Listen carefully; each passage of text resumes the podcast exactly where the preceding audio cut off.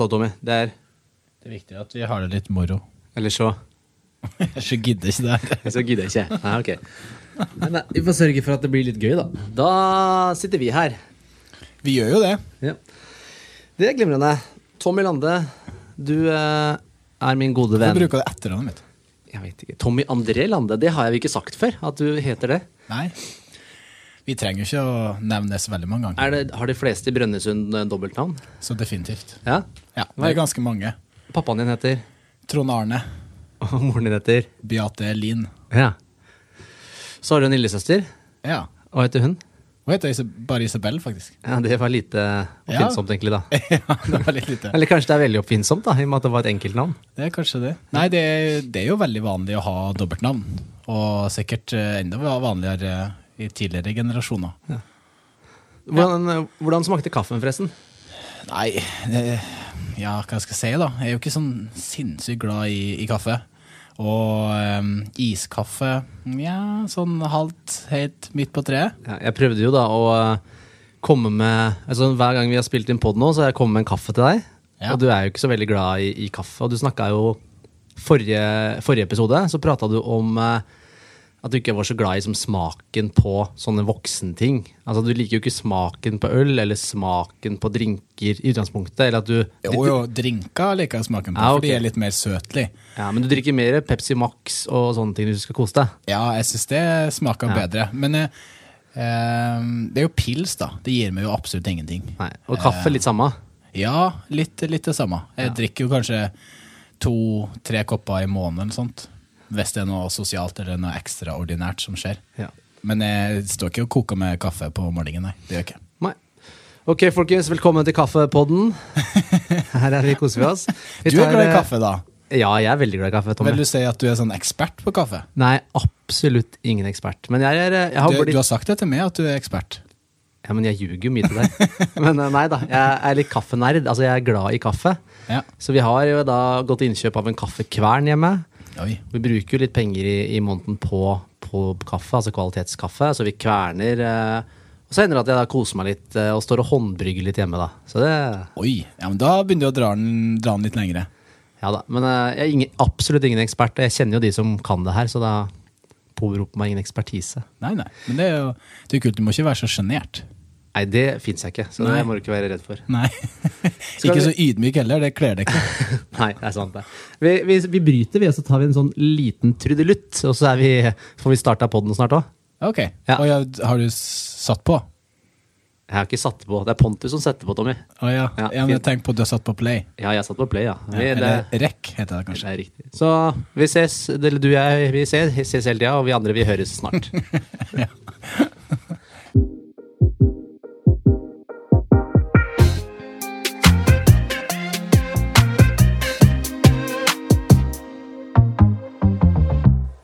Ok, hei og velkommen til podkasten Litt for personlig trener. Med oss har vi Alexander Ålerud. Hvordan har du det? Skal jeg snakke som Alexander nå? Skal jeg snakke som Tommy? det var veldig bra, faktisk. Ja, det var det. Du er ikke så gæren på, gæren på brønnøyværing. Nei, selv ikke om jeg sitter i Hosslestan. Du har ikke noe håslester på nå, det er jo varmt ute. Det her er Hosslesta. Nei, Hosslesta er ullsokker. Ok, unnskyld. Ja. Ja. Men eh, jeg har ønska velkommen til podden, så kanskje vi da faktisk skal starte dagens tema. ja, gjerne. Eller vi skal pund lupen. Er Så vi har jo lansert at når vi avslutter episoden, så leter vi at døgnet Døgnet. Ja, ja døgnet. Ja, takk. Ja. Altså, vi lukker igjen døra. Og nå skal vi gå pund lupen. Altså, vi skal under lupen. Så vi da ser det vi skal se litt nærmere på. Ja. Og dagens pund lupen, hva er det, Tommy Lande? Nei, eh, det handler jo litt om smerter og skader, irritasjoner Ja, egentlig alt som kommer inn innenfor det. Og vi skal jo snakke litt om det, tenker jeg. Og du har vel litt sånn småspørsmål eh, litt underveis, og så får vi bare prøve å holde i gang eh, tanken rundt det. Jeg jobba jo en del som, som osteopat ved siden av eh, det jeg ellers gjør på cross- CrossFit-sagene. Eh, Så jeg syns det er kjempespennende med skart, eh, skart det er en sånn blanding mellom smerte og skade. Ja. Skader og smerter og irritasjoner og, og lignende, det syns jeg er kjempespennende. Fordi det er så komplekst. Er det sånn når folk kommer til deg som pasient og sier «Åh, jeg, har, 'jeg har så forbanna vondt i ryggen', så sier du 'å, spennende'? Ja, jeg jeg syns jo sånne, sånne caser er veldig spennende. Ja. Jeg gjør det. Og det er noe vi møter mye som personlig trener òg. Det at folk har vondt et sted eller smerter et sted. Og, og jeg har jo da, som du sa, jeg har jo hatt Eller du sa vel ikke det, men jeg har jo hatt mine vondter og, og skader selv. Ja, Og du, du også har jo det. Du hadde jo blant annet et uh, uoffisielt norgesrekordforsøk her i uh, Turkish Get-Up for mange år siden. Husker du det? ja, ja, ja, ja, stemmer det. Turkish ja, det. Get-Up, for de som ikke vet hva det er, så er det en øvelse hvor man ligger på ryggen med en vekt i en hånd opp mot uh, taket, og så skal man reise seg opp, og vekta er da, eller armen er over hodet, eller rett opp mot taket, da, vil det Ja. være riktig å si. Hele tiden. Riktig. Og du hadde på Jeg husker du brukte Da du gjorde Human Turkish Get-Up, du hadde en jente Mm. på 55 kilo, Ja, jeg har vel både hatt på 55 og 60, tror jeg. og så hadde du stang, altså en stor olympiastang, Ja. med 70. Det var 67,5 og 70. Nå husker jeg ikke helt hva, hvem av de som var, altså, var altså, Det er jo ekstremt imponerende, det må jeg få lov å skyte inn. Men det, du skada jo litt. Ja, den ene gangen så gjorde jeg det. det for at, ja. Men det var på lettere kilo. Jeg tror det var på sånn 50, 50 52,5 eller noe sånt. Eh, hvor eh, den egentlig bare Det var en akuttskade, da. Eh, hvor jeg ikke klarte å kontrollere stanga så godt i, i topp, og ble litt uh, ubalansert. Og så veltet jo stanga selvfølgelig da ned mot bakken, uh, følge tyngdekrafta. Og så kom ikke jeg med godt nok uh, ned under stanga, sånn at albuen min traff, traff bakken. Akkurat idet stanga pressa ned i håndleddet, så jeg fikk meg en liten skade i, i håndleddet. Men det gikk ikke veldig Det var mer Det var ikke noe brudd, og det var ikke noe, noe avrivning eller sånt av leddbånd. Det var egentlig bare mer en, en, ja, en støyt. Ja, så det var jo da det du kaller en akutt skade. Ja. Så noe som skjer, en traume som gjør at du pådrar deg noe. ja. Da vet du litt mer hva det er som er Årsaken, årsaken til, eh, til skaden, eller smerten.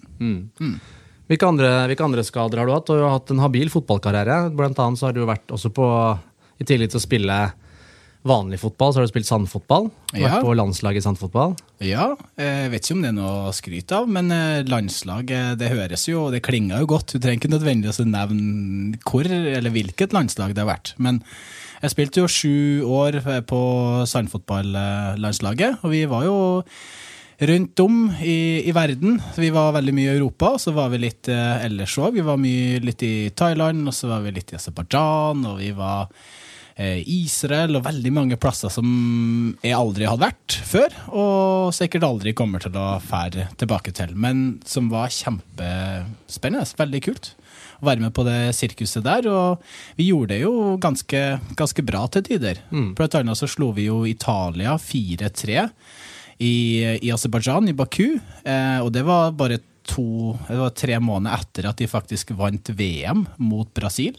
Så det er kanskje en av mine eh, største bragder sånn på, på treningssida eh, her i livet, hvor jeg skåra et av målene. Jeg skåra 1-0-målet, tror jeg.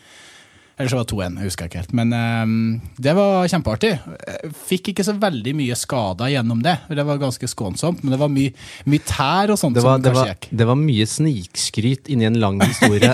og så spurte jeg om du hadde noen skader, og så var det sånn etter en lang tirade på at du har vunnet mot Italia, som har tatt mot Brasil, eller vunnet mot Brasil, var det kanskje. Ja.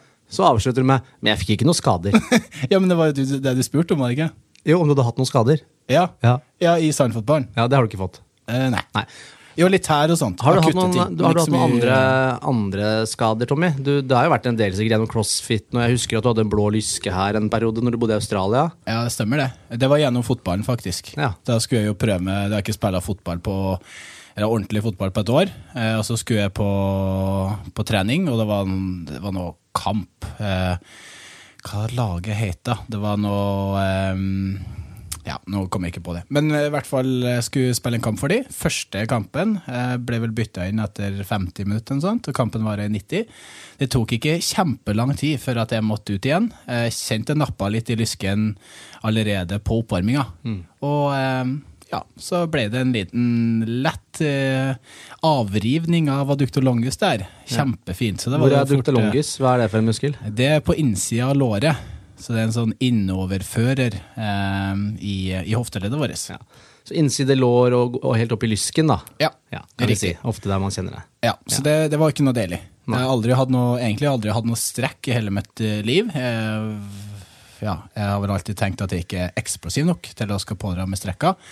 Eh, Men eh, der fikk det, den, den satt eh, godt i, altså. Det var en to-tre måneder hvor jeg fortsatt kjente og ikke noe knebøy. Og det er da du kjenner hvor viktig de her adduksjonsmuskulaturen er, de som drar foten inn mot midtlinja, Ja. er når at du bare går. Når du skal gå trapp, ta en liten vending, så bare nappa det tak. Så Nei, det var, spennende. Andre ting Jeg har jo røket Jeg har hatt Unhappy Triad på fotballbanen. Eh, Det, Det kalles- det må ja, det skal jeg gjøre. Det er da når du både tar korsbånd, eh, menisk og sideligament i samme, samme trykket. Det er jo da en unhappy tried. Har vi happy tried òg? Nei, det ikke som jeg har hørt om, i hvert fall. Okay. Ja, men den hørtes veldig unhappy ut. Ja, den var veldig, den var kjip. Den uh, satte meg tilbake ja, kanskje nærmere et år. Når du ryker så mange leddbånd eller tar det rundt kne, da må jo kneet bli ekstremt lite stabilt. da. Ja, i hvert fall korsbåndet. Det fungerer jo som stabilitet. Mens menisken, da får du litt mer enn sånn hvis du har påvirka den eller fått en skade på menisken, så vil det jo være litt annerledes. Det vil ikke føles som, så ustabilt, eh, fordi at det skal være en sånn bløt struktur mellom eh, to knokler, eh, hvor den skal eh, skape litt sånn støtdemping, og hvor den skal egentlig bare absorbere krefter. Eh, så da fikk jeg mer sånn krepetus, mye my, ja, mye type lyder inni kneet, litt sånn låsningsfølelser. Fordi at menisken skal være litt mer som en sånn gummidott imellom. Ja, for det har jeg hatt en del kunder som har opplevd også på trening, og så har de sagt at de plutselig fikk en følelse av at kneet låste seg, Ja. og så masse smerte knytta til det. Ja. Og så hender det noen av dem har sagt at eh, da noen løsner seg selv, Ja. at det bare, akkurat som man får lirka det løs, og så kommer det tilbake, og så kjennes det egentlig greit ut igjen. Ja. Uh, og så er det andre som virker som at det kommer litt sånn gradvis når man snakker om menisk. Faren min driver og sliter litt med menisken om dagen. Ja. Han har aldri trent noe som helst, men jobber da litt fysisk. Eh, og han sier at det gradvis da kjennes ut som det er knivstikk Ja. som blir mer og mer markante. Eh, men så plutselig nå hadde det blitt litt bedre igjen. ja.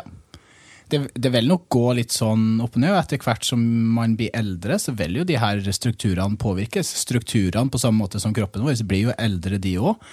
Og det, du kan jo se på det på samme måte som at du får en, en rynke i panna. Så får du litt rynker på innsida av eh, kroppen òg. Og det er sånne type ting hvor, hvor strukturene bare endrer seg. Og det er derfor at styrketrening og fysisk aktivitet er så viktig, for å da skal holde liv i de her strukturene. La de få god sirkulasjon, eh, la områdene, muskulaturen rundt være sterk nok, osv. Så bra. Jeg har masse, masse spørsmål, nå, men vi skal ta litt etter litt. Ja. Eh, nå prater vi jo mye om akutte smerter, eller nei, akutte skader, unnskyld. Eh, jeg har jo hatt noen, eh, hatt noen akutte skader selv. Mye overtråkk Ja. i fotball. Hoppa ned for trapp og landa feil og tråkka over skikkelig. Jeg også fikk en strekk for noen år tilbake. Skulle løpe, hadde løpt trappeløp sammen med en eh, kollega på Myrens treningssenter. Ja. Og var ganske sliten i beina. altså Jeg var helt skjelven i låra etterpå. Ja. Og så begynte vi å diskutere hvem som var raskest på 60 meter, han og meg. ja, smart. Nei, men fordi at jeg Jeg var overbevist at jeg kom til å være mye raskere enn han. Ja. For i huet mitt så er jeg veldig rask fortsatt. Ja. Han nekta for det. Jeg tenkte at eh, Han er også større enn meg, ikke sant? med mye muskler. Ja. Jeg tenkte at eh, Hei, Fredrik. Hei, Fredrik. Jeg tenkte at jeg skal slå han likevel, og så ble jeg enig med meg selv at det her er det dummeste jeg gjør, for jeg er altfor sliten nå. Så jeg snudde for å gå, og det gjorde han òg. Og da plutselig var det et eller annet som klikka opp i topplokket her. Var det ditt eh, topplokk eller hans? Nei, det var nok mitt. Så da snudde vi oss. Jeg snudde meg, så sa jeg kom igjen, vi løper nå. Så løper vi. Min historie er at jeg leda. Han historie er annerledes.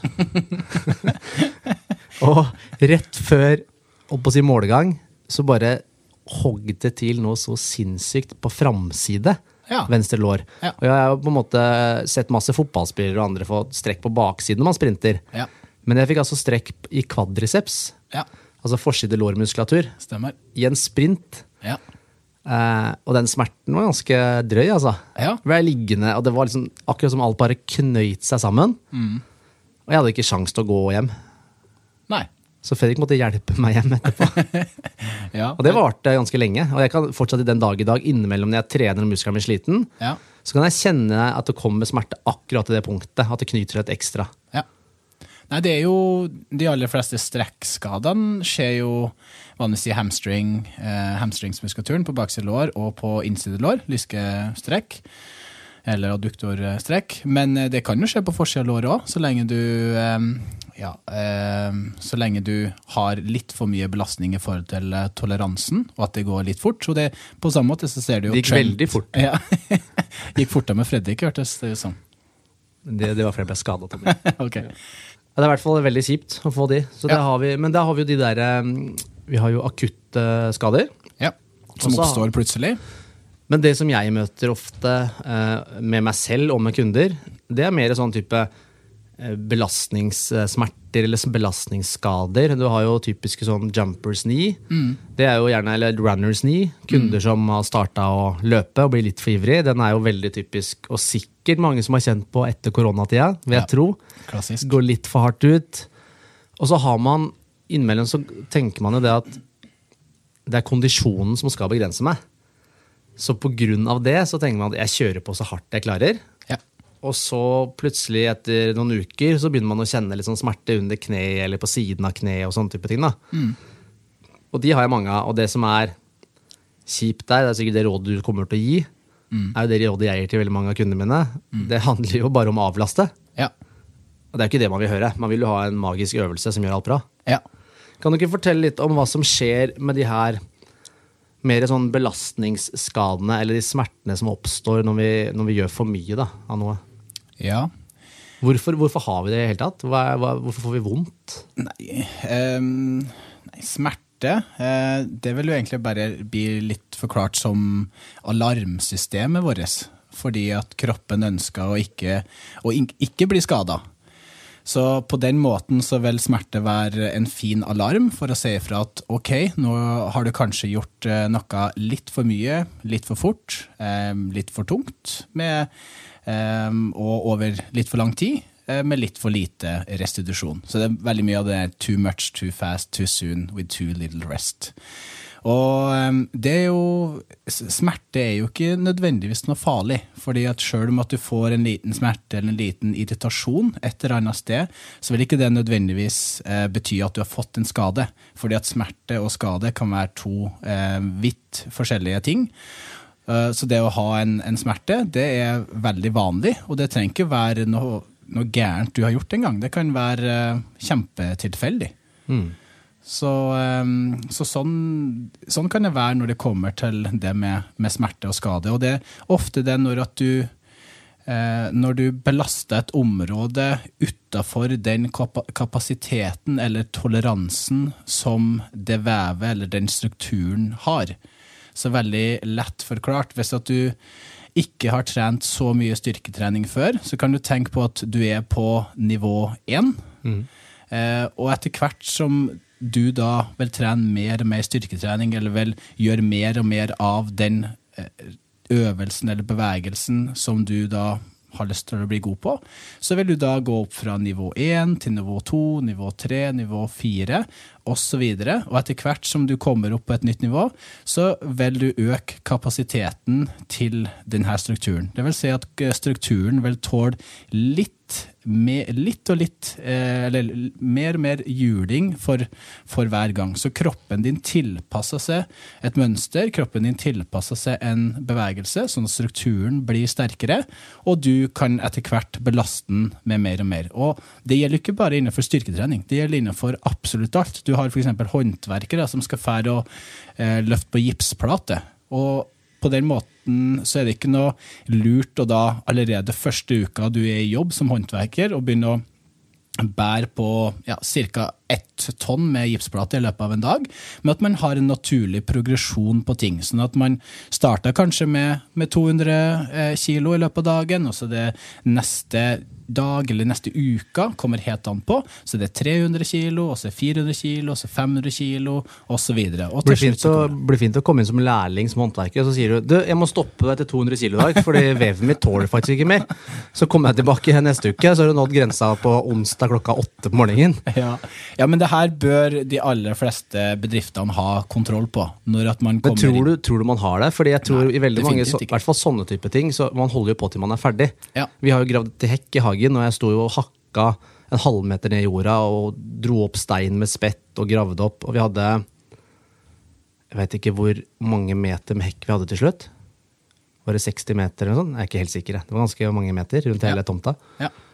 Eh, jeg ble ganske gående i ryggen av å stå i den posisjonen der så lenge, selv om man er vant til å trene. Ja. Og så får jeg et bilde i huet når du prater nå, når du snakker om nivå 1, 2, 3, 4 og tåleevne. Ja. For når jeg var liten, så fikk jeg Nintendo Entertainment System i gave. ja. Da var jeg seks år og fikk det i julegave. Og da spilte man Super Mario. Ja. Husker du, du husker var, han? Ja, det var så gøy. Herregud. Og da var jo, Du starta jo Super Mario som liten, men så fikk du sopp. Da ble du stor. Ja. Det var på en måte nivå to. Og så fikk du blomst. Da ble du hvit og kunne skyte. Ja. Så hvis du da blei Og du kunne få fjær òg. Kunne du, fly? Du kunne fly. Ja. Men det, jeg tror både fjær og skyting var samme, var samme. nivå. Riktig. Så når du hadde f.eks. skyteevne eller flyveevne, mm. og du ble og du fløy på en sånn and som ikke hakka, eller hva det var for noe, ja. så datt du ned ett nivå. Ja men da ble du bare stor. Ja. Og så kunne du gå på en til, en kaktus i et sånt rør. Mm. Og da ble du liten. ja. Og så, neste gang, da daua du. Ja, det stemmer. Så du tålte på en måte mye mer når du hadde kommet de nivåene videre. Ja. Det var litt sånn jeg tenkte på når du fortalte om eh, Ja, men det er, ikke, det er definitivt ikke en dum metafor, det der, altså. Nei. Det er ikke det, og det gjør det kanskje litt lettere å forstå. Men det som er kanskje det aller viktigste å forstå, det er at smerte er ganske komplekst. At det er så mange faktorer som er med på å spille eh, inn her. At du kan se på det som et, eh, et vannglass, eh, som du da fyller litt og litt eh, for hver gang med ja, kanskje at du har um, stressa, stressa, veldig mye i det siste. Litt um, kan være noe indre uro, det kan være litt dårlig kosthold, det kan være litt dårlig søvn, det kan være dårlig restitusjon, det kan være veldig mye trening, det kan være veldig lite trening. Og til slutt så vil det her vannglasset fylle seg opp med kan kalle det i hermetegn dårlige erfaringer. Og til slutt så vil det glasset renne over. Mm. Og vil, da vil det da gi det en liten irritasjon og en liten smerte. Og det er på, på denne måten at ting kan, kan, fungere, og da er det mye vanskeligere å vite hva det er som er da eh, hendelsesforløpet. Hva var det som faktisk ga deg denne smerten i en skulder eller en, i hofta eller kne eller rygg eller noe sånt? Og det var egentlig bare det at kroppen sa ifra om at nå er det litt for mye, så nå trenger jeg litt hvile. Nå trenger jeg at du backer litt off, for så å klare å hente seg inn, få litt restitusjon, få en dag eller to eller ei uke. Eh, det aller meste går jo bort i løpet av to, tre, fire uker av eh, type lignende smerter. I hvert fall sånne uspesifikke smerter og irritasjoner eh, vil gå bort ganske, ganske hurtig. Og da er det viktig å, å gjøre det du kan gjøre. Og vær så mye i fysisk aktivitet som du klargjør. Får i gang, det får i gang blodsirkulasjon. Det gjør at du farliggjør bevegelse. Det gjør at de her psykologiske faktorene ikke blir en begrensning, i hvert fall. Fordi at det er jo så mye psykologi og mentale ting i det med, med smerte. Fordi at Spiller du opp under smerten, så kan det være med å faktisk bidra til at du får mer, og at det tar lengre tid før at du eh, blir bedre. Så det å ufarliggjøre bevegelse, det å ufarliggjøre sjølve hendelsen, har òg veldig, veldig mye å si her. For det er så komplekst. Så bra.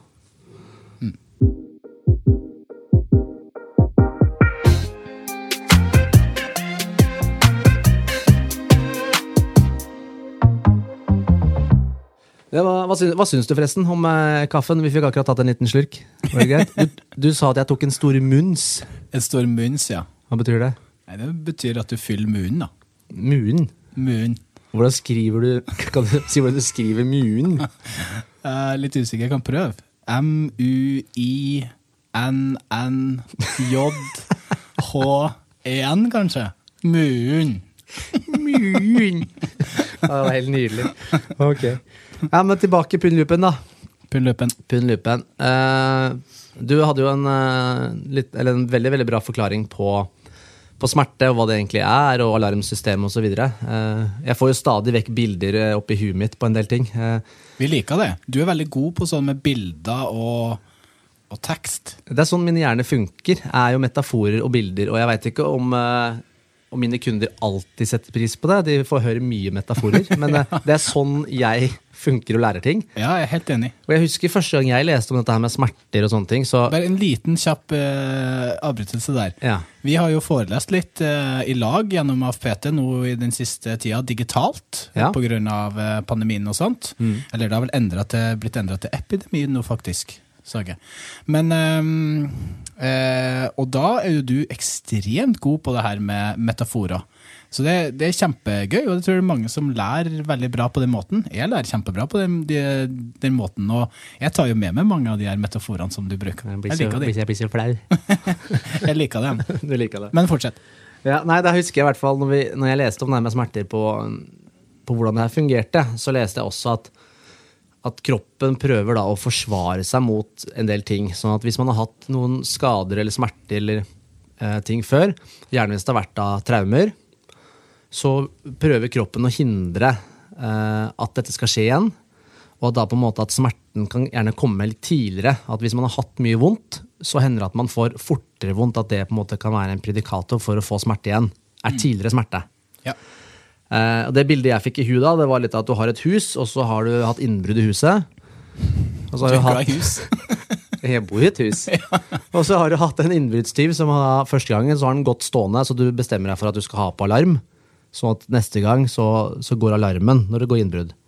Eh, da går faktisk alarmen, men innbruddstyven han, eh, han er jo smart, så han begynner å krabbe. Så man må på en måte senke hvor langt ned den her, eh, den her hva kaller man det, sensoren Ja. går. For vi har jo da alarm der hvor jeg vokste opp hjemme hos foreldrene mine, og der også har vi hatt innbrudd da jeg var liten, Ja. som var grunnen til at vi skaffa alarm. Ja. Og da husker jeg det jeg spurte om det her med Men hva med katta vår? Kommer ikke alarmen til å gå? Og da hadde det noe med sensoren på hva den går på, ja, okay. å gjøre. Ja. Så litt den derre hvis, hvis du tenker film, da, så ser du sånne røde laserstråler som er inni et bygg. Ikke sant? Og da Tom Cruise har drevet og krabba veldig mye under sånne ting og gjennom og sånt i Mission Impossible. Tom Cruise er så lav at han kan gå gjennom sånne ting. Men det stemmer. Men hvis man da lærer av at, eh, av at folk kan krabbe under, så vil man gjerne senke lista på når alarmen går igjen. Ja. Er det litt sånn kroppen også funker? At eh, hvis du har hatt smerte én gang Jeg har slitt masse med hofta, eksempel, som vi kan snakke litt om etter hvert. Ja. Når jeg gjør knebøy og sånne type ting. Og da virker det som at nå så tar det faktisk kortere tid før det ubehaget kommer, enn det gjorde første gang det kom. ja. Definitivt. Og det her er jo et klassisk eksempel på hvordan, eh, hvordan det kan være rundt smerte og, og irritasjoner. Fordi at et område, eh, eller det med tidligere erfaringer, har kjempemye å si når det kommer til, eh, til smerter. Fordi at har du hatt vondt et, et sted, la oss si da hofta di eller ryggen eller noe sånt, så vil du endre den connection til det området opp i nervesystemet. Det vil si at eh, området blir litt mer sensitivisert. At det blir litt mer sensitivt for belastning. Sånn at eh, La oss si at hofta di var på nivå tre, hvis vi bruker det samme som, som sist gang. Så etter en skade så er du kanskje nede på nivå to og nivå én, både eh, psykologisk eh, mot det området, men òg da strukturelt, som gjør at du må starte helt nede på bunnen når du da skal, skal trene det her området opp igjen, for å da eh, skal komme forbi det her at det skal være sensitivt. Og det gjør vel egentlig bare det at et område hvor du har hatt tidligere smerter, blir litt mer sensitivt, eh, og at det tåler litt mindre enn f.eks. andre strukturer på kroppen din. Og det handler egentlig bare om det samme som vi snakka om i stad, med hvor mye belasta det området, og hvor mye kapasitet tåler det, og hvor mye toleranse eh, tåler den strukturen før at den begynner å si ifra. Og et område som har hatt eh, tidligere smerter og kanskje eventuelt en litt større skade, den har en lavere kapasitet i utgangspunktet etter at du da har hatt en smerte. Så da, da bør man jobbe med det her området og få økt den kapasiteten, sånn at den er på ca. det samme som de andre strukturene du, du trener eller eh, beveger i løpet av eller i forbindelse med en øvelse eller lignende. Ok. Igjen masse spørsmål her. Ja. masse ting som jeg selv har erfart, eh, snakka med kunder om, eh, vi har diskutert. Men det du sier da, er for at jeg nå, hvis jeg nå har fått en skade eller hatt smerter, da. La oss ta hofta mi som eksempel, som jeg har slitt mye med både akutt betennelse. Eh, hva det skyldes, vet jeg ikke. Vi har snakka litt om det før, at det kan være hvordan hofta er utforma. Og det kanskje ikke er alle øvelser som er best for alle. Ja, vi, vi må jo tilpasse øvelsen til kunden, ikke motsatt. Ja. ikke sant? Så til alle som hører på også, så handler det litt om at alle øvelser, bare fordi at du leser at en øvelse er bra, så behøver ikke den være bra for deg. Nei. Nei, så det, Kanskje er det sånn med knebøy for meg. Jeg vet ikke. Jeg trente jo knebøy i mange år uten noen problemer. Ja. Og så plutselig begynte jeg å få problemer, og etter det så har det vært en utfordring. Men ut fra det du sier nå, at man skal øke toleranseevnen gradvis igjen så den er tilbake, så virker det som at du forteller meg da at jeg burde ikke kutte ut knebøy, egentlig. Jeg burde gjøre knebøy, men kanskje med mindre, mindre belastning, mindre mengde, da, eller? Definitivt. At du, må, du må egentlig tenke at du er en nybegynner igjen. For at det er så lett å gå på den samme kiloen som du hadde da du eh, Før du fikk skaden eller før du fikk smerten.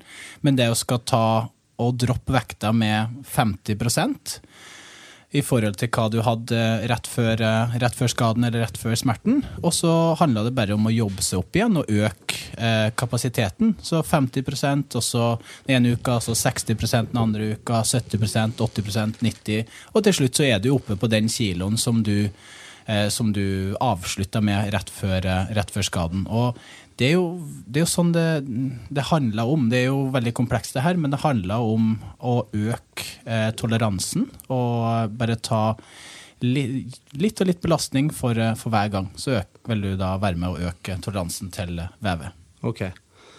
Men hvordan vet man egentlig om en øvelse kanskje ikke kanskje er optimal, da? La oss ta det eksempelet vi holder på med nå. Hvordan jeg, kan jeg vite om knebøy kanskje er en øvelse som jeg ikke er best mulig egnet for meg, eh, sammenligna med om jeg bare har gjort det for lite, eller, eller om jeg har gjort for mye for fort? Altså sånn, Ja. Skjønner du hvor jeg vil hen? Jeg skjønner Det det. er vanskelig noen ganger å definere Skal jeg kutte den ut? For det er mange som sier sånn, som har trent lenge òg. Ja.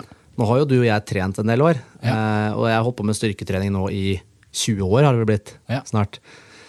Og da er det klart at da får man en del erfaringer og en del tanker rundt ok, hva er det som fungerer best for meg og ikke. ja, absolutt.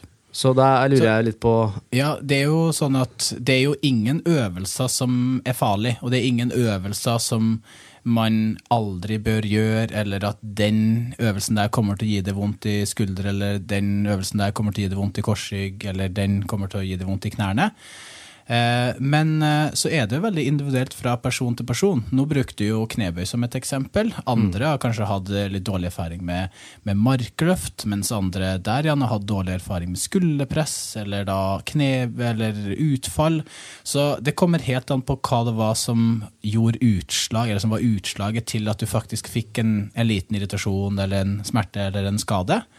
Og eh, da er det jo da er terskelen mye, mye høyere for å skal gå tilbake igjen til den øvelsen. Men sånn som jeg, jeg har jo slitt med Jeg har ikke hatt så mye med, eh, sånn med hofte og sånn som du har hatt. Jeg har hatt litt mer korsrygg. Og i en periode så kvier jeg meg jo for å skulle ta markløft, fordi at det er jo en øvelse som eh, som påvirker ryggen ganske mye. Ja, Og for det her er jo, det her er jo veldig vanlig. Og mange som sier at jeg kan ikke gjøre markløft fordi Mm. jeg har vondt i ryggen, og så blir de redd. De tror at markløft er årsaken også til at de ødela ryggen sin. Ja, og det er vanligvis ikke det, fordi det er, det er jo så mange andre faktorer, sånn som vi snakket om med det vannglasset. Som, det kan være at uh, du har sovet veldig lite, du har stressa mye, og så var det egentlig bare markløften som gjorde utslaget. Så det var den eh, siste dråpen? Ja, den siste lille dråpen i glasset som gjorde at det rente over.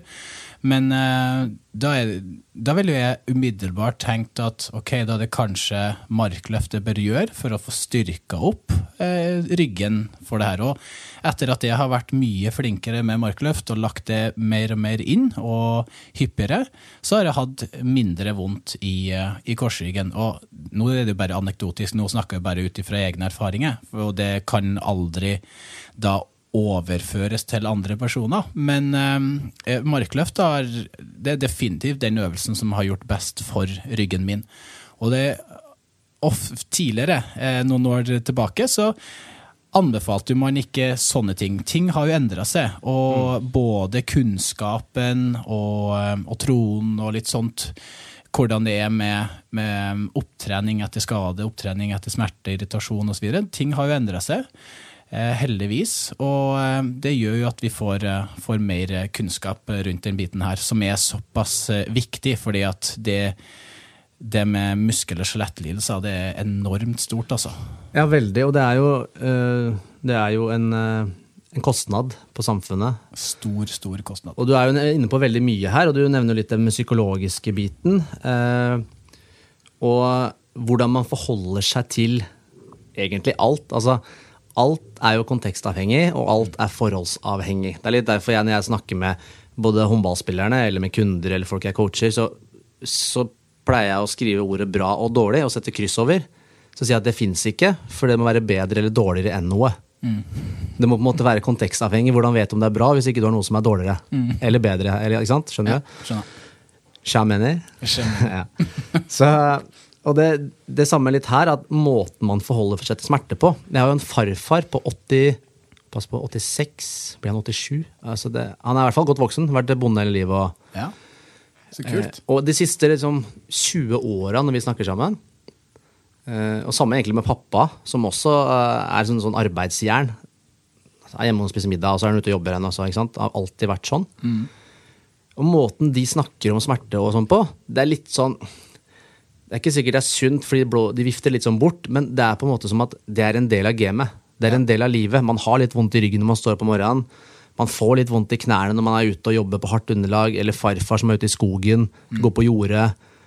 Han holder fortsatt på, han bor på en gård og gjør vårhånda, og selv om han slurver litt her og der, og sånn, så, så virker det som det på en måte er en del av livet, bare. Ja, definitivt. Og det er mange jeg snakker med som, som tilsynelatende ser ut som de har det veldig bra, ja. og så snakker man litt nærmere med dem, og så har de faktisk en del smerter. Mm. Men det er liksom, som de sier, ja, men det er sånn det er. Man blir eldre, og man får litt vondt her og der, men så går det over. og så... Det er veldig mange som sier det der at man kjenner at man lever. Ja, akkurat det. Og det, det syns jeg er litt fint uttrykk òg. Mens andre har jo på en måte fått en flis i lillefingeren, og så må de ligge i gips i tre uker. ja, ja. ja det, er, det, er, veldig stor forskjell på folk. Eh, absolutt. Noen blåser bare bort og tenker at eh, ok, det her kommer til å gå bort eh, av seg sjøl. Og det, det, gjør jo vanligvis det. Eh, når, det Hvis kommer til irritasjoner og, ja, okay. og, små eh, ting. Absolutt. Så må bare la meg fullføre den, ja, den der. Beklager. Eh, så, men det er jo veldig mange andre eh, som spiller mye opp under eh, smertene òg. hvor det da blir Det tar veldig mye energi. og ja, du bruker mye energi på det, som gjør at du spiller opp under smerten, som faktisk gjør at det her vedvarer over en lengre periode. Men så, når går steget til å faktisk ta kontakt med en terapeut? Det er kjempevanskelig å, å si. Det som veldig mange eh, syns er kjempebra med en, en, terapeut, det at du får litt sånn bevissthet rundt hva det er du kan gjøre for å bli bedre. Fordi at det er ikke alle som har den kunnskapen som, som trengs. Eh, og hvis at det har vedvart over en lengre periode, så blir man litt sånn rådvill. Man vet ikke helt eh, hva det er for noe, og man etter hvert begynner et type sånn diagnosejag. Eh, og det vil ikke være noe heldig, det heller. Og da kan det ofte være kjempefint å komme til en terapeut, eh, for å da skal eh, eh, få litt mer rådgivning til hva kan man gjøre. Man får en behandling, man føler seg ivaretatt, man føler seg sett, man føler seg hørt. Eh, man får noen andre og da skal henvende seg til. Og kanskje man får, er heldig og får et par-tre øvelser som man kan gjøre. Ikke nødvendigvis fordi at de her øvelsene er sånn mirakelkur, men fordi at man faktisk tar hånd om det her på egen hånd. Eh, og da er det lettere å få en langvarig god effekt. At det ikke alltid søker den her inn og få et knekk hos en terapeut, og så ut igjen. Eh, og så er det det som er det viktige for hver gang man får en liten irritasjon eller en smerte. Fordi at kroppen tar jo ofte hånd om det her på egen hånd. Men eh, kort oppsummert eh, så kan det være fint å ha noen å rådgi seg, eller rådføre seg med. Ja. Jeg kan jo skyte inn noe, det er jeg som ikke, ikke er terapeut. Ja. Eh, mens du tar en liten iskaffeslurk her igjen. Eh, Trykk det ned. ja, det er bra. Jeg tenker jo det at eh, terskelen for å oppsøke en dyktig terapeut egentlig bør være lav. Eh, fordi er det én ting i hvert fall som jeg mener at man skal unngå ofte, så er det å google sykdommer og smerte. For da har man jo alt. Og det å da ha en fagperson å rådføre seg med, som, som også da mener jeg er ærlig og oppdatert på emnet, og det jeg mener med det, er at når jeg sender mine kunder, eksempelvis til deg eller til andre på, um, på Myrens treningssenter, Naprapatkontoret f.eks., osv., Ja. um, så hender det jo at jeg sender det dit, og så har de en førstekonsultasjon. Kanskje de ser på de, kanskje får de en liten behandling, for det er jo mye med det medmenneskelige, det å både bli sett, det å bli tatt på, alt dette her som kan være med å lindre smertene. ikke sant? Riktig. Placebo er en veldig viktig effekt. Det er jo det. Og, Men hvor da terapeuten kan ufarliggjøre det og si at dette er ikke noe farlig. Riktig. Fortsett å trene. Gjør bare noe annet som ikke er smertefullt. Og på grunn av terapeutens posisjon, akkurat som en lege, så stoler vi på også på en terapeut. Ja. Og så vil jo vi gjerne at PT-en skal også ha det samme status etter hvert. Ja. Når de får litt enda mer kjøtt på baken, for å si det sånn. Krysser fingrene for det. For det er jo akkurat samme rådet som jeg gir til mine kunder. Det er at har du vondt der, ok, den bevegelsen, ja, men da prøver vi en annen bevegelse. Går det fint? Og veldig ofte så går jo smerten over bare ved at vi får bevegd oss, Riktig. men på en annen måte enn det som gjør vondt. da. Ja. Men da tenker jeg at ta heller en time hos en terapeut eh, som er dyktig, og som faktisk kan ufarliggjøre det for deg, i stedet for å gå og lure på det, osv. Ja. Enig, absolutt enig i det. Det er det å Som personlig trener inni det her, så har du et ekstremt viktig, eh, eh, viktig bidrag til det. Fordi at du kan velge om du er med på å spille opp under det, eller du kan velge å da være med og bidra til å gjøre det bedre. For det, det kan jo, ikke bare personlige trenere, men folk der ute. Det er litt det samme som vi har snakka om tidligere, at trening, smerte, skader, kosthold, alt det her er så offentlig. Alle har en erfaring med ditt og datt og hele pakka. Så man gir eh, ofte råd ut ifra hva man har, eh, har eh, enten hørt eller erfart sjøl.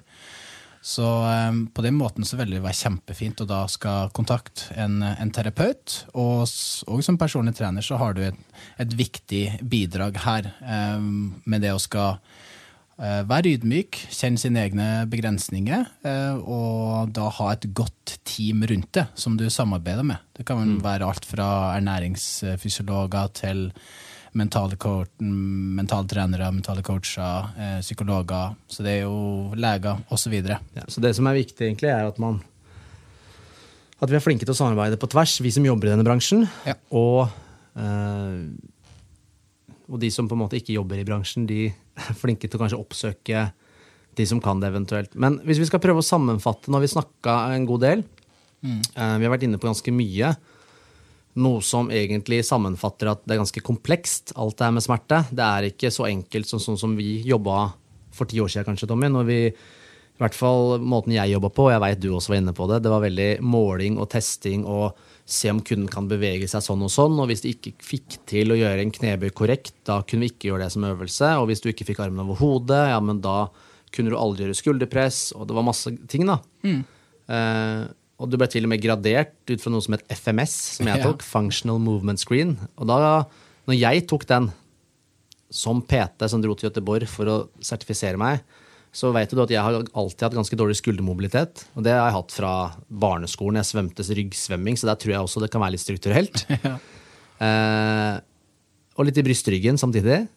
Da fikk jeg scoren 'unfit to play'. Det vil si, Hadde jeg vært idrettsutøver, så hadde jeg blitt satt på benken.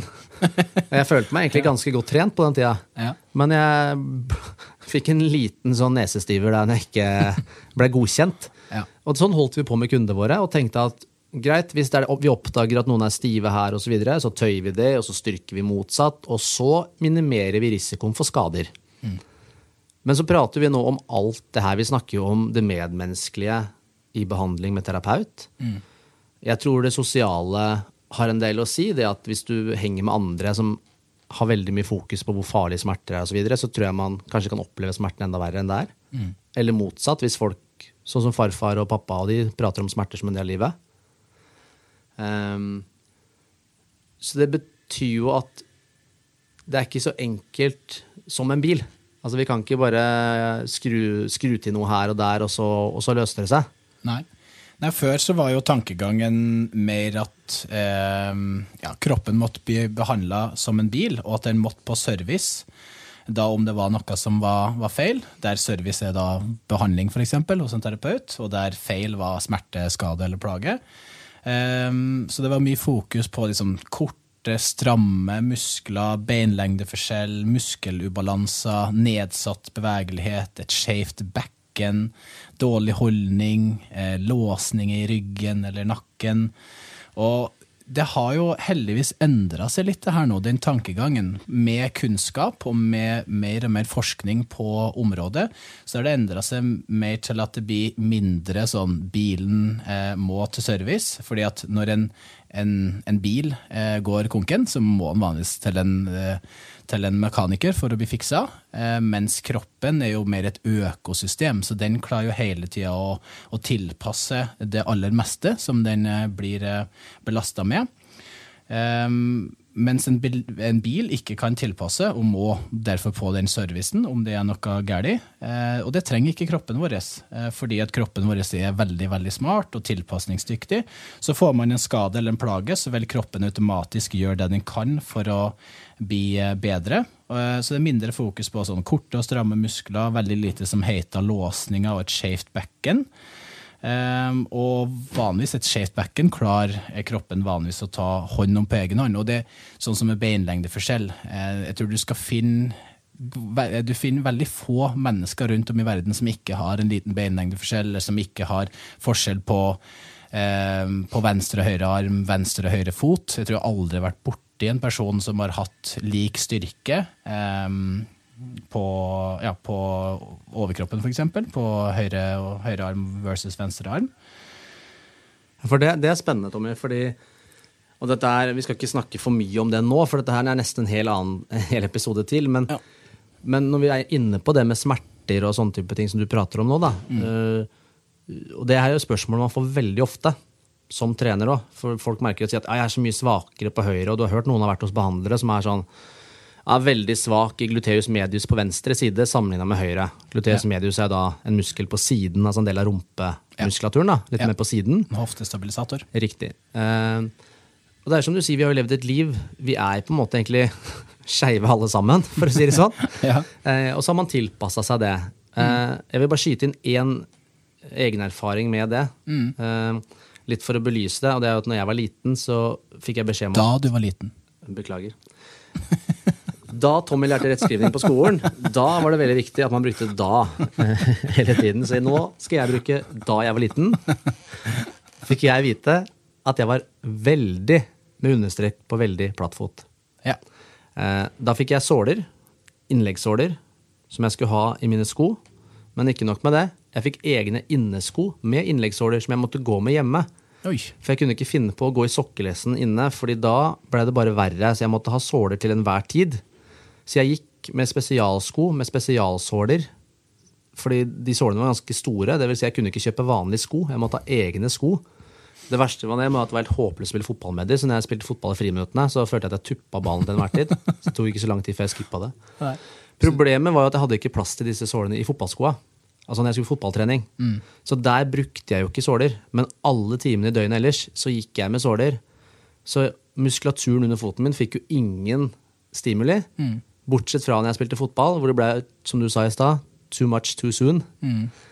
Eh, og jeg endte jo opp etter hvert da i ungdomsårene mine med masse masse problemer med beinhinnebetennelse, som satte seg mer og mer og mer, og som jeg sleit med i lang tid. Og som var en av grunnene til at jeg ga meg med fotball.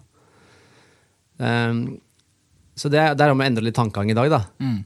Men det er jo litt den derre når man hele tida skal prøve å korrigere og tenke at vi er som en bil, Ja. Og så skal vi prøve å fikse litt forskjeller her og der, i stedet for å la kroppen tilpasse seg litt selv og bli sterkere. Ja.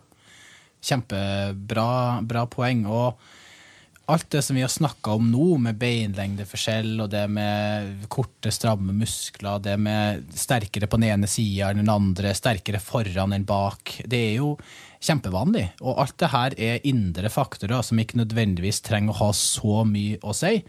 Eh, fordi at kroppene våre er veldig ulike, og det er helt eh, normalt, siden alle har sin eh, egen ryggsekk med med tidligere erfaringer, tru og forventninger. Så det som kan gjøre at de indre faktorene har noe, faktisk noe å si, er når man begynner å slurve med de ytre faktorene. Og de ytre faktorene er jo det vi allerede har snakka veldig mye om i dagens episode. Og det er jo da eh, hvor mye trening har man gjort, eh, hvor mye stress, hvor mye kan være noe indre ting, det kan være eh, kosthold, det kan være eh, Søvn. søvn, osv. Så, og så, videre. så det, det er jo når man begynner å slurve med de ytre faktorene, at de indre faktorene faktisk har, har noe å si. Sånn som trening, søvn, kosthold, tidligere erfaringer og skader, restitusjon f.eks., stress, eh, overbelastning, underbelastning, monotone og ensidige belastninger, eh, og for tung belastning satt opp imot eh, kroppens eh, toleranse.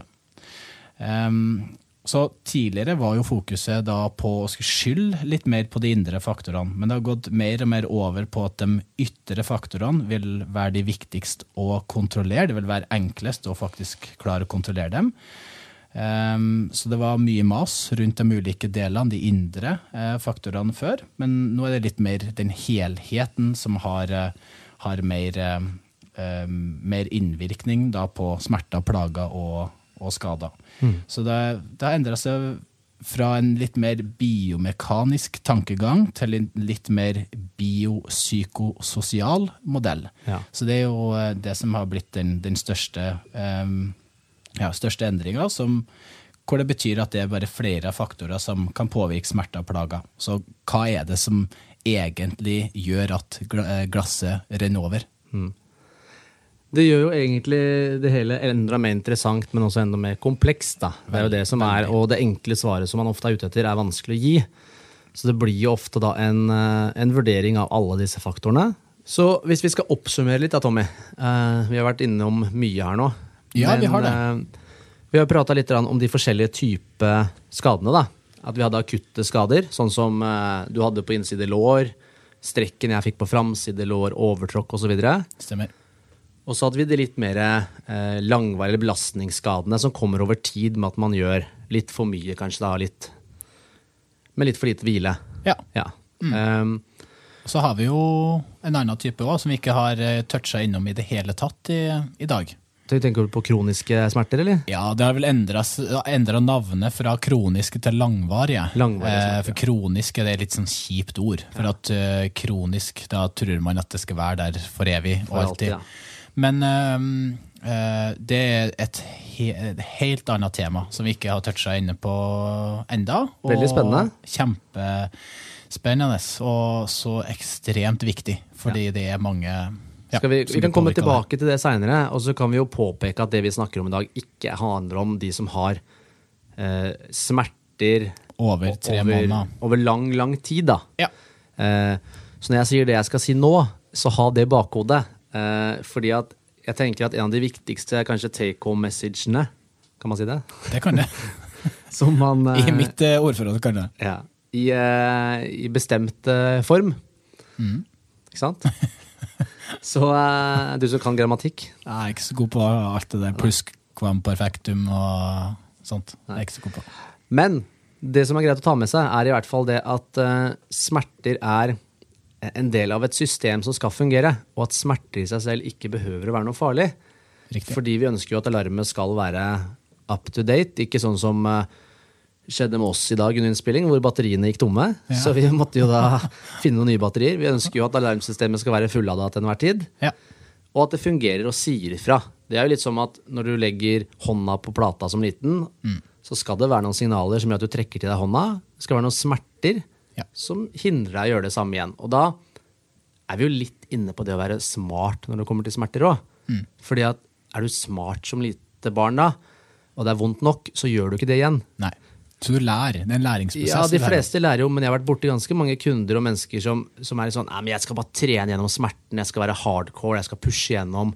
Og det er forskjell på en treningssmerte Ja. og en kanskje mer sånn eh, skadesmerte eller en, et akutt knivstikk man kan kjenne og sånne type ting. Ja. Eh, da snakker jeg i treningssammenheng. Ja. Ja. Så det å så- det å så normalisere smerte, kanskje, at det ikke bør være noe farlig, gjøre noe alternativt hvis noe gjør vondt. Ja. Vondt? Jeg blir veldig dialektforvirra her. ja.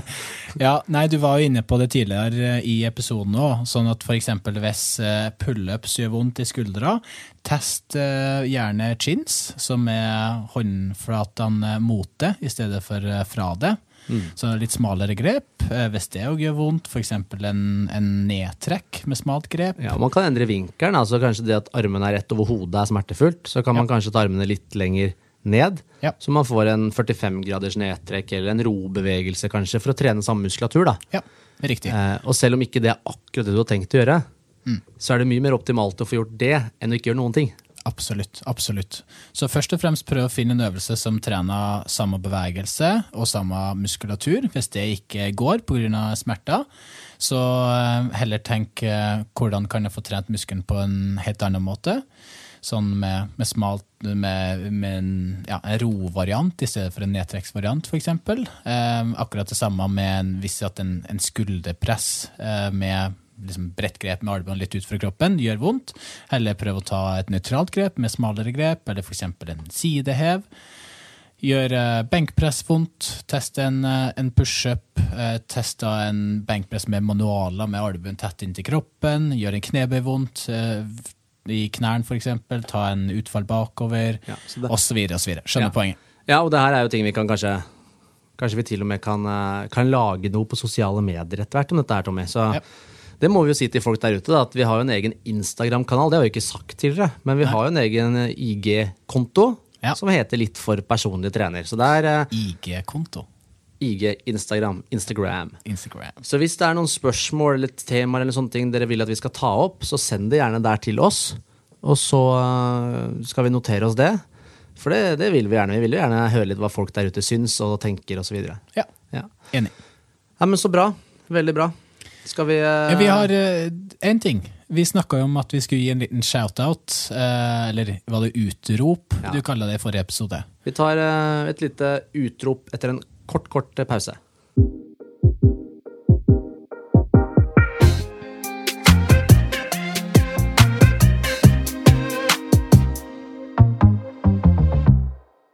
Ok, da er vi live inne igjen med Alexander sitt eh, utrop, eller på godt engelsk shout-out. Hvem har du lyst til å gi eh, episodens shout-out eh, til? Ja, det, blir, det her blir, det blir veldig pappate i dag, Tommy. Det blir Oi. veldig sånn pappate. Er det, holder vi det internt nå? Ja, det, jeg, skal, jeg skal jo fortelle hva dette her er, så det blir jo ikke internt sånn sett. Men øh, Nei, nei, men tenk internt i familien. Ja, det blir det. Jeg var, Ja. på, var, på første, var på første telttur og hengekøyetur med datteren min i helga. Åh, så koselig. Nei, det var faktisk veldig hyggelig. Eh, Og jeg blei, eh, som pappaer blir, så blir man ganske sånn stolt når man ser at de håndterer det bra. Hun sov hele natta gjennom i teltet sammen med en venninne. Og mens pappaen da til venninna, Christian og jeg, vi hadde hver vår hengekøye. Det var min første hengekøyenatt. Oi, hva ikke syns du? Jeg syns ikke det var så bra som folk skal ha det til. Altså, det var veldig, veldig fint å se på. Veldig fint å våkne opp og drikke morgenkaffe på berget og alt dette her. Og Ja. så sov jeg vel to og en halv time. Oi, det var såpass lite, ja. Så det er nok litt tilvenning, som vi har prata om i dag. Ryggen min verka, nakken verka. eh, så jeg gjorde i hvert fall ikke too much too soon, tror jeg. I og med at jeg bare lå der i to og en halv time. Så jeg endte opp med å legge meg på bakken da med liggeunderlaget. Oh, ja, ok. For det ble litt eh, Men kanskje neste gang? Kanskje neste gang. Ja. Men shoutouten går i hvert fall da til lille Alva Sofia for hennes måte å håndtere alt på. Syns hun hadde en veldig bra innstilling til alt, og jeg gleder masse til å gjøre det her igjen. Så artig. Kjempebra. Det er veldig koselig. Så du vil si at alle de her eh, Instagram-bildene og sånt rundt omkring med hengekøye overalt, at det er litt oppskrytt? Det skal jeg ikke si. Jeg sa min opplevelse ikke var sånn som det så ut. Oh, ja, sånn, Som jeg hadde kanskje forventa. ja. Ja. Sånn, ja. Så du, du tenker kanskje at det er litt fasade bak det? Ja, kanskje, men igjen, tema for en annen podkast, Tommy. Så Så fasade er tema for en annen podkast? det kan det være. Ja. Her tar vi opp alt. Men det med forventninger, folkens. Hadde du en annen forventning og nå blir litt skuffa, da får vi bare beklage. Det, det får vi ikke gjort så mye med i dag. Derfor kom gjerne med innspill på hva dere syns, og hva dere vil ha mer av. Skal vi eh, Hva det der var for noe? Nei, det veit jeg ikke. Nei. Men eh, skal, vi, skal vi runde av? I dag har vi holdt på lenge. Ja, vi har det. Så det er kanskje på tide å, å si eh, takk og farvel. Vi tar og Vi leter et døgnet. Ja, og parkerer tøflene parker tøflene. Så ses vi om en uke. Takk for i dag. Uh, ha det.